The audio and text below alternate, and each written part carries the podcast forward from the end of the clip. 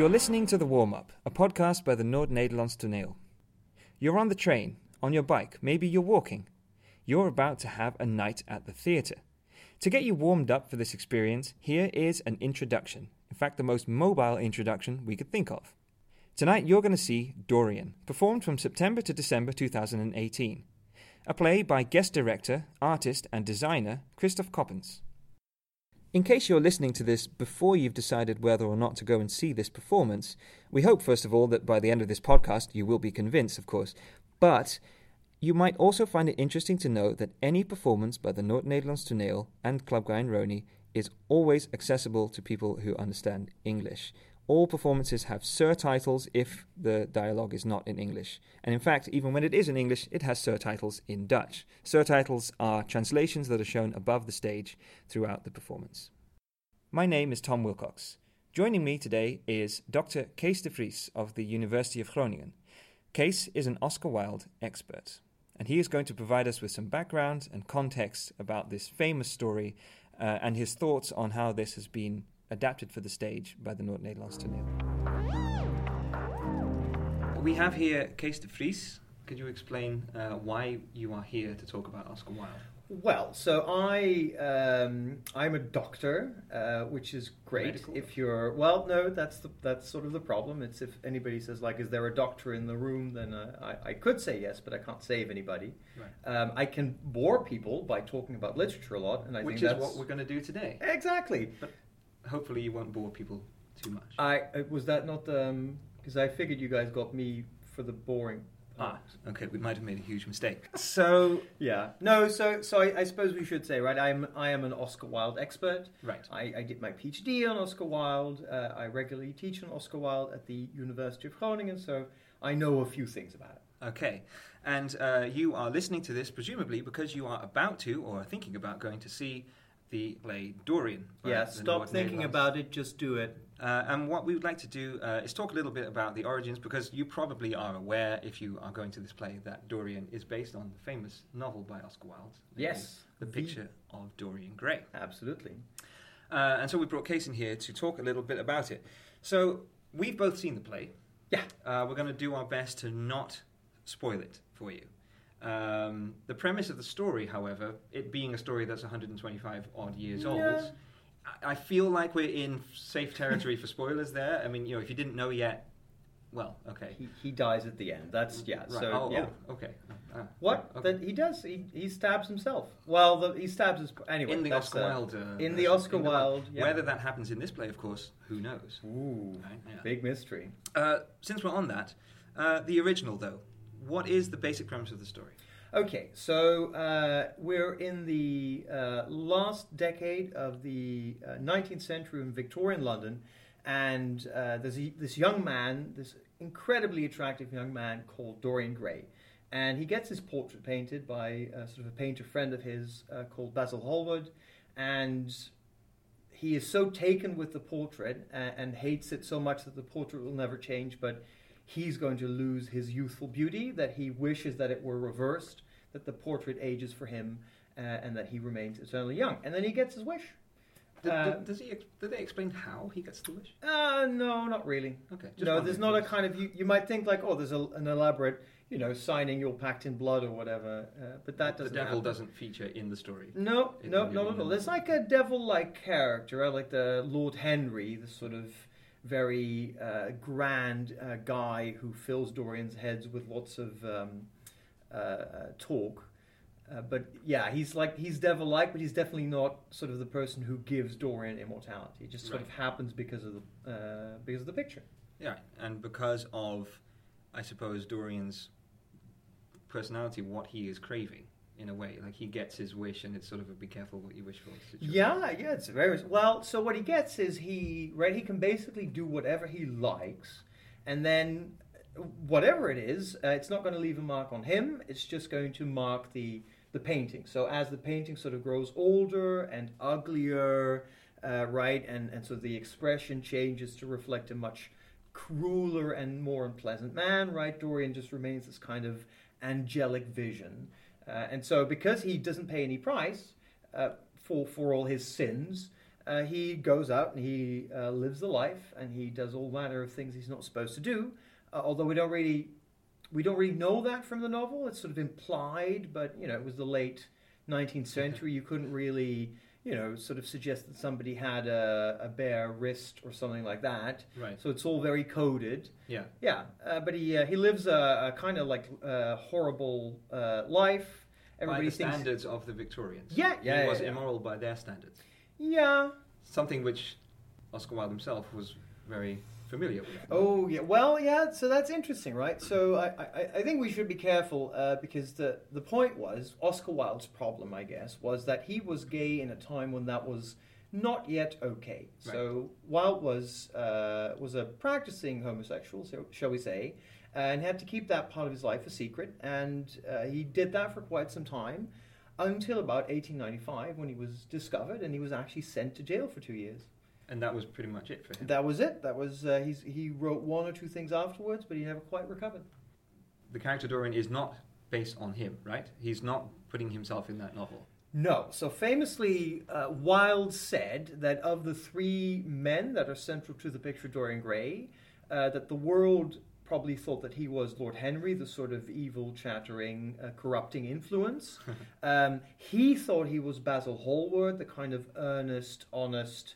Uh, artist, Yeah. uh, but he would have liked to have been Dorian, but he says in a different age. Right. So not right in a moment where you would be judged for trying to be who you are, Right. right? But for I, I guess for maybe today, because uh, obviously today Wilde's uh, life would have been no problem whatsoever.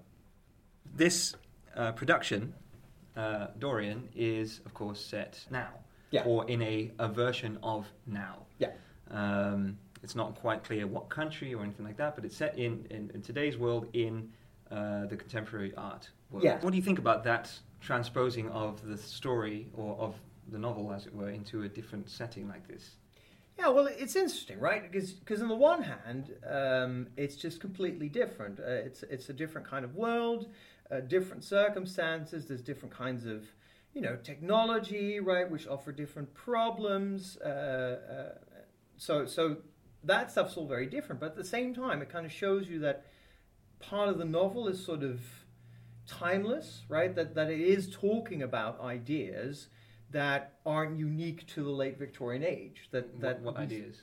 well, so uh, for example, the nature of of fame and, and the right, sort of how to be a good person, right? What it means to be a good person, but also ideas of, of ambition, uh, right? What it means to to age. Mm. Uh, all these things are um, are- are in there, and it's maybe it's maybe good to say, right? Like the picture of Dorian Gray sounds like it's going to be a sort of a, maybe a cool action novel, right? So this immortal guy, uh, right, who can't be affected by anything, and so I think you know I think there's even movies where he's he's sort of uh, portrayed as this sort of semi-action hero who can't be killed and, and so forth and so on, and that's really not what the book is, right? Like Right. it's it's the book is is a bunch of people sitting around talking Right. um, and and that you know they talk about really interesting things, but not a lot happens in the books. So it's more like a novel of ideas. and so, how do you turn that into a play, for example? Yeah. Stage production. Well, you know, I, I know we can't spoil uh, a lot, right? But but one way in which I think the, um, uh, the the the theater adaptation has done a really good job is to make it visually very interesting, Right. right? That I mean, the staging of the play is is really very wonderful. So. You said Wilde said he wished he could be Dorian, but in another time. How do you think he would see this Dorian? So I think the way that Oscar Wilde would look at this Dorian is with, I think, with great recognition, right? Because the the central premise of the play is that Dorian turns himself into a kind of living artwork, and this is famously also something that Wilde did, and that he, he sort of thought about himself.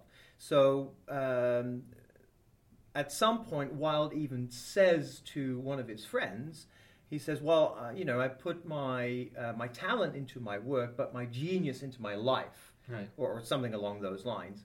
And and it really demonstrates that sort of he he's this sort of person who who lives brilliantly, who's kind of trying to embody certain things, and that has a very strong parallel with the way that the play's Dorian uh, also starts to live his life Mhm. once he discovers that he, uh, you know, he's got the um, uh, the portrait to bear his sins. We, we mentioned that the Victorian uh, Dorian did bad things. The Victorian what you Dorian did there, yeah. didn't mean to do that. Very good.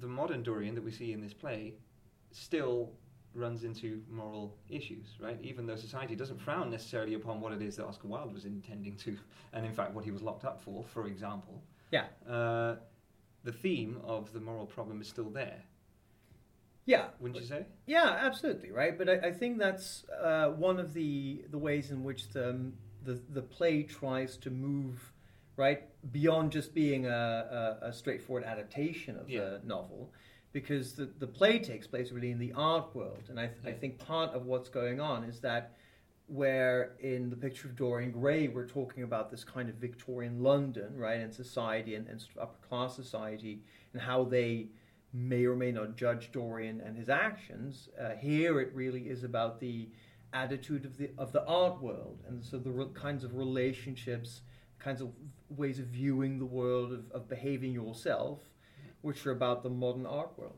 So even though the rules themselves have perhaps changed and the, and the standards of, of what you are allowed to do have changed, but what hasn't changed is other people in that society are going to judge you if you don't live according to how they see it as being supposed to be. basically. Yeah, yeah, yeah, right. So, so, so you would say that both the novel and the play draw attention to this fact that our lives are governed by, by certain kinds of rules, and there are way things you can do, ways you can behave, um, and and there's this, you know, there's ideas of this is forbidden, this is transgression, uh, right? This is okay.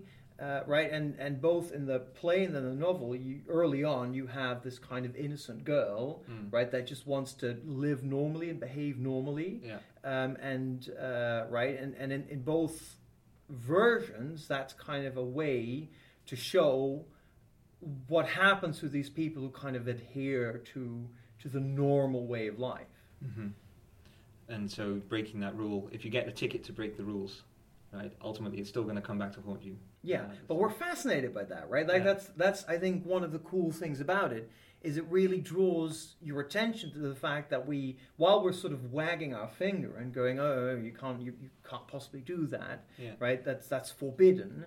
Uh, at the same time, we're we're really fascinated by that kind of behavior, and I think even more so than the original Dorian Gray of the novel, the play's Dorian sort of gets that and likes Yeah. to play with that. Yeah. Um, yeah. He's aware that he is entertainment for people. I think so. And Yeah. if- that's another theme, of course, of today's world that has been brought into this is the way that we are very much on display all the time. In fact, that we're encouraged to create an artwork of ourselves, as you say, but not just if you're an artist, but just an everyday person through social media and, and, and constantly being uh, put out there. Yeah, basically. yeah. He's, he's, he, he knows how to play the audience. He knows that in order to be a successful artist, he can't just make art. Yeah, He yeah. really has to be a, a, a personality Absolutely.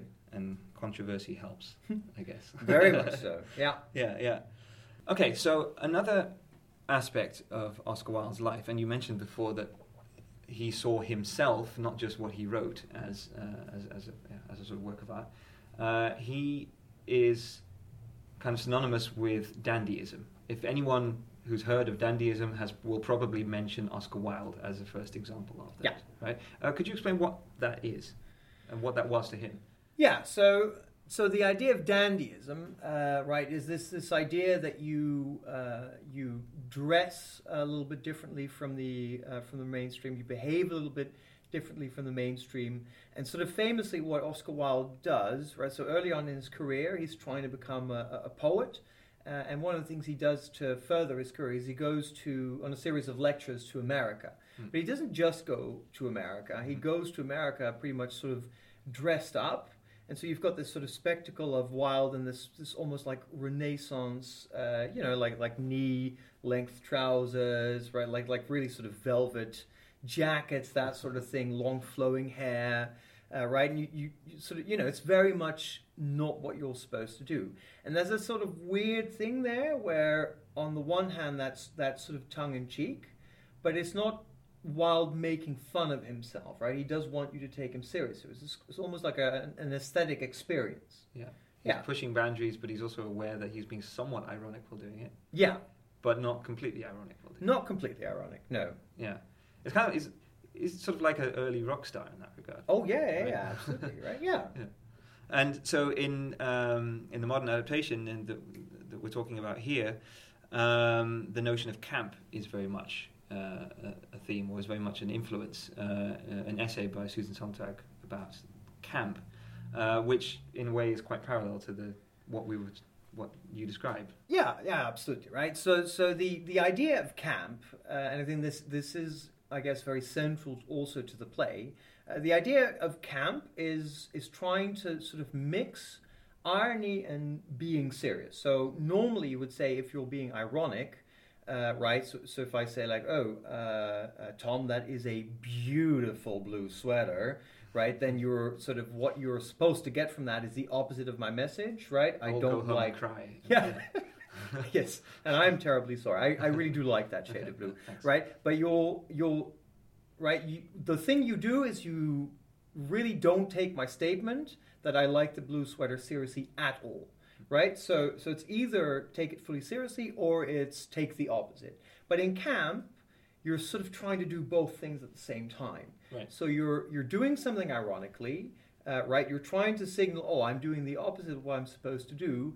But at the same time, you're sort of winking a little bit. You're sort of saying, ah, but maybe you should also take this uh, slightly seriously, right? And maybe I am also a little bit in earnest here, uh, right? And and you really have to, I guess, decode it or figure it out Yeah. right? And and so you can have these kind of over the top, uh, extremely exaggerated uh, moments um, where where you're sort of left doubting, like, okay, am I supposed to see that entirely as a joke? No. Is it entirely serious? No. But it is somewhere in the middle. And if you can't decode it, then that marks you out as not being of that crowd. Yeah, yeah, right. Yeah. Like, yeah, you, then then you don't get it. Uh, and that yeah. pressure, once you are in the world that Dorian ends up in, the modern Dorian, Uh-huh. and they're putting him on a pedestal literally, but Yeah. they, they, they make him uh, out to be the next big thing, and he is being pushed to do that. He doesn't rise on his own. Yeah. He is he is chosen, as it were. Then he's surrounded by a world that where getting that wrong, either way, Yeah. you know, being too serious about what you do or being too ironic about what you do, you know, you will, you might be shunned. It can change from one day to the next. You were a big thing, and then you're gone. Oh, that's good. I like that. Yeah. So, and is that not like the Victorian social scene? The dinner scene, the, the Victoria dinner party scene Yeah. in, in, in London. Yeah, yeah, yeah, I, absolutely, right? It's it's that sort of it's that moment. Although I suppose here, that's a very clever adaptation, right? Because it would have been much more straightforward in, in Victorian England, where it really was, you know, the list of a thousand things that you are uh, allowed to do or not allowed to do, right? Mm. The etiquette, the, the the acceptable dinner conversation versus the acceptable conversation while somebody's playing the piano in the background, right? What are women allowed to say to each other? What are women allowed to men? What are uh, uh, men allowed to say to each other? All that sort of thing, right? That the, Yeah. the, the, these this sort of thick forest of rules. Yeah. Yeah, it, there's definitely a very strong overlap there. We've learned quite a lot, uh, Kees. I- well, that is my job to teach people. Uh, I hope that this discussion of the uh, of the background, the origin of this story, uh, uh, of where this adaptation comes from, uh, helps uh, helps you watch the play um, in a new light, and uh, we hope that you enjoy it. Yeah. See you guys later. Probably not. Oh, Not oh. sure. Have a nice evening. Uh, thanks a lot, Kees. This has been the warm up. For any more information about future plays and performances by the North Nederlands Toneel and Club Guy and Roni, visit nnt.nl. We hope you enjoy the performance tonight. Safe travels!